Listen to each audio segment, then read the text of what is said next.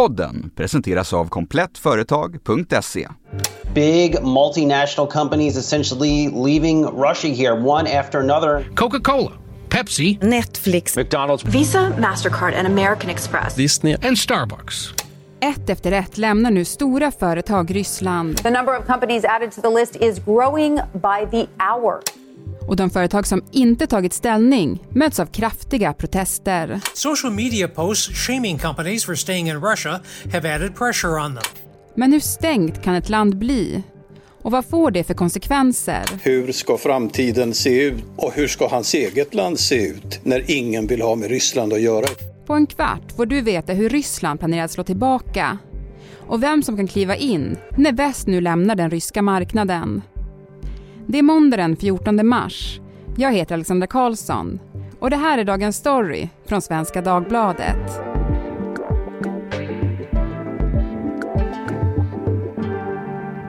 Sofia Sinclair, techreporter här på SvD och Joel Dahlberg, näringslivsreporter. Vad i all den här företagsflykten från Ryssland har överraskat er mest? Um, när det gäller techbolagen så är jag mest överraskad över att de agerar överhuvudtaget. Uh, för tittar man på deras track record när det gäller geopolitiska konflikter och uh, liknande situationer så har man inte uh, tagit ställning eller agerat särskilt mycket tidigare. Vad säger du Joel? Jag är väldigt förvånad över hur fort det går. Alltså hur snabbt det här har hänt. Hur företag drar sig ur, stänger ner verksamhet. Alltså det handlar ju om miljardinvesteringar över lång tid som man bara släpper. Mm. Ja men precis, vi hör ju om företag som lämnar varje dag. Alltså hur många är det egentligen? Går det att säga det? Det finns en lista på 300, i USA i alla fall, på 300 företag. Större företag som har lämnat. Så det är, och alla funderar ju på det här. Det mm. är ju svårare och svårare att överhuvudtaget vara där. Mm. Ja men precis, för varför lämnar de då? Alltså det finns väl lite olika anledningar? Ja. Eh, när man tittar på de här stora som McDonalds, eh, Coca-Cola, Ikea, eh, H&M och andra eh, så är det ju som, som du säger flera skäl. Ett är ju något slags idé om att det, det här stöder vi inte. Den här eh, invasionen av Ukraina, det, eh, vi, vi köper inte det och det här är en markering.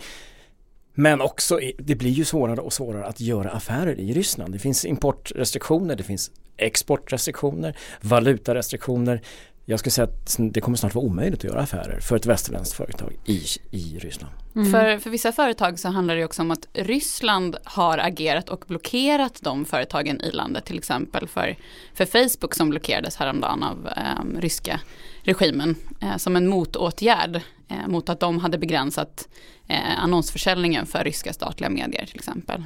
Och sen finns det också en annan eh, svårighet som, som eh, bidrar till att man inte kan verka i, i Ryssland. Och det är ju till exempel den här nya eh, medielagen som gör att eh, ja, man kan bötfällas eller få fängelse om man, om man sprider en bild av kriget som, som enligt Kreml då är felaktig. Och den har ju slagit mot TikTok bland annat. Eh, de stängde av möjligheten för ryska användare att ladda upp innehåll på plattformen. Bolaget vill inte ta den den risken då. Så då stängde man ju av det snarare som en konsekvens av en ny lag. Svaret från omvärlden på Rysslands invasion av Ukraina kom i form av sanktioner. Målet är att isolera den ryska ekonomin för att på den vägen stoppa kriget. One of the most significant results of all that has been the historic loss of value for Russia's currency, the ruble. One ruble is now worth less than one American penny. Sen sanktionerna infördes har den ryska rubeln fallit med 30-40% mot dollarn och ryssarna har köat i bankomaterna för att ta ut sina pengar i euro och dollar. Folk litar inte på det finansiella systemet, de tar ut det de kan. Moskvabörsen har varit stängd sedan den 25 februari och när den öppnar igen väntas ytterligare kaos. I och med rubelns fall och börsens stängning har rikare ryssar försökt köpa tillgångar i form av dyra väskor och klockor men efter påtryckningar stängde även lyxmärken som Hermès, Bulgari och Chanel också ner. Streets in some of the most high-end neighborhoods of Moscow, which are iconic in the city for high street shoppers, are completely empty now. Think about it. Amex, Visa, MasterCard pulled out of the country, resulting in transactions being blocked. Literally, it makes it virtually impossible to get any of these goods into Russia.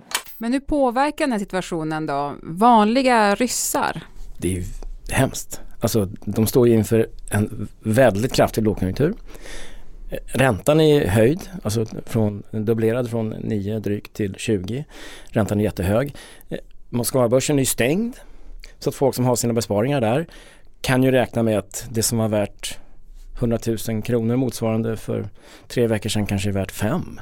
Mm. Också om man tittar på um, Visa och Mastercard och, och, Paypal till exempel som har um, begränsat uh, möjligheten att göra betalningar. Det påverkar ju också ryssar um, väldigt mycket.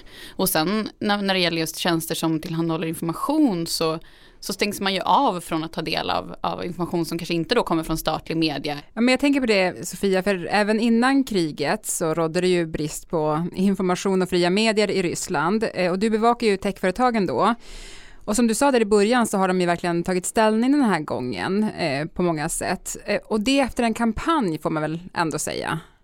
Ja, eh, Ukrainas vice premiärminister som också är digitaliseringsminister har ju eh, jobbat väldigt hårt på Twitter för att nå de här stora techbolagen.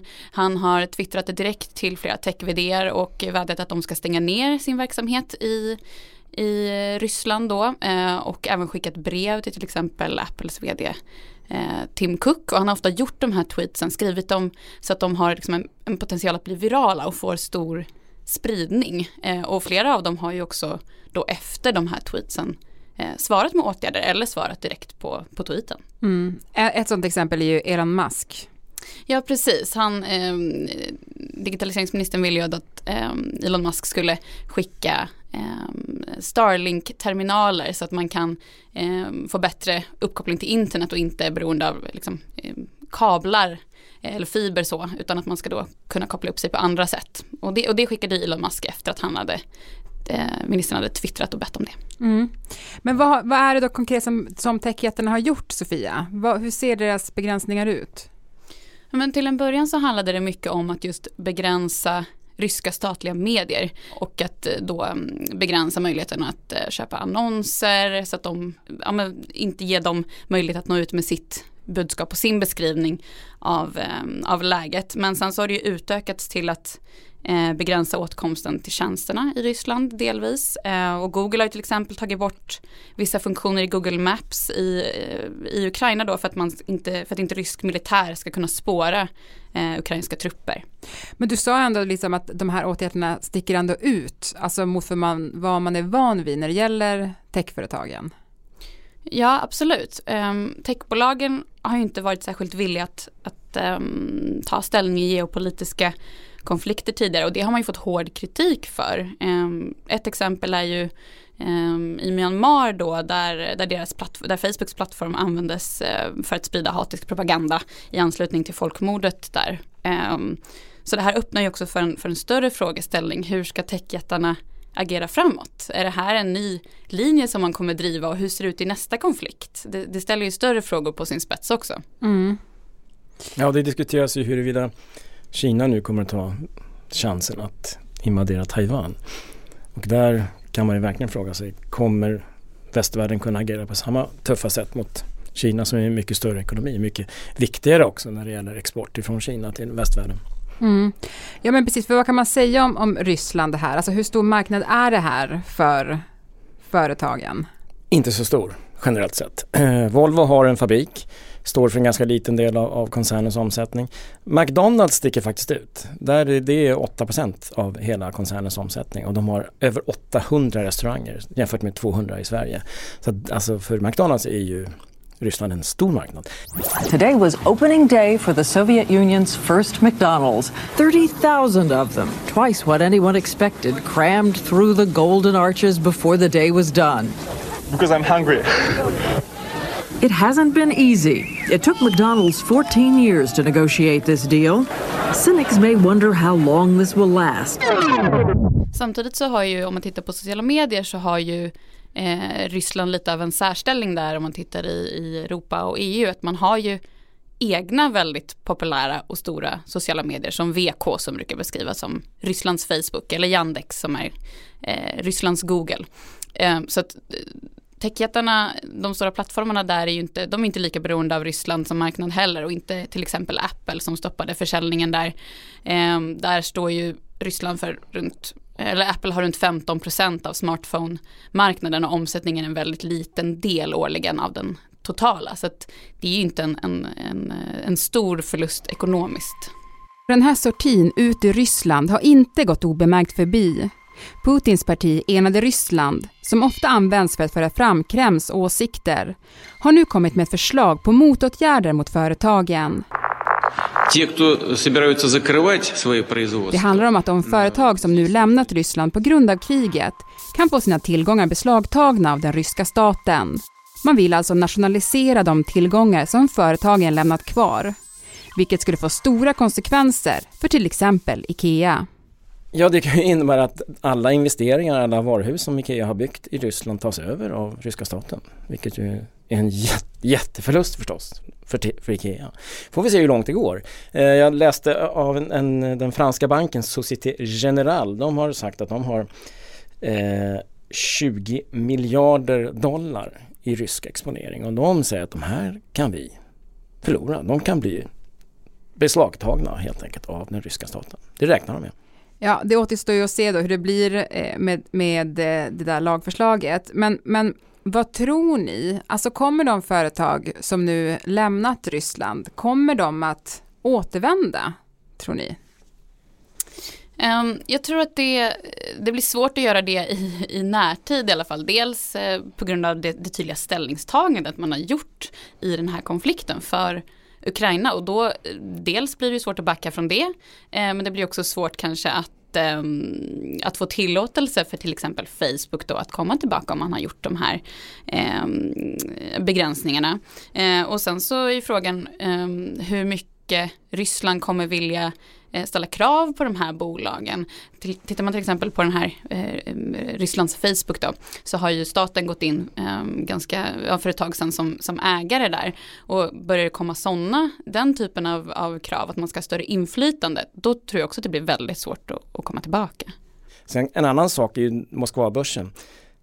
Det, jag har bevakat aktiemarknaden i 30 år. Det viktiga, som journalist då förstås, eh, det viktigaste för en aktiemarknad är inte liksom att ja, att eh, det ska, börsen ska gå upp eller ja, du vet, utan det är att hålla öppet. Att man håller stängt som nu i, i nästan, snart två veckor. Alltså så, man gör inte så.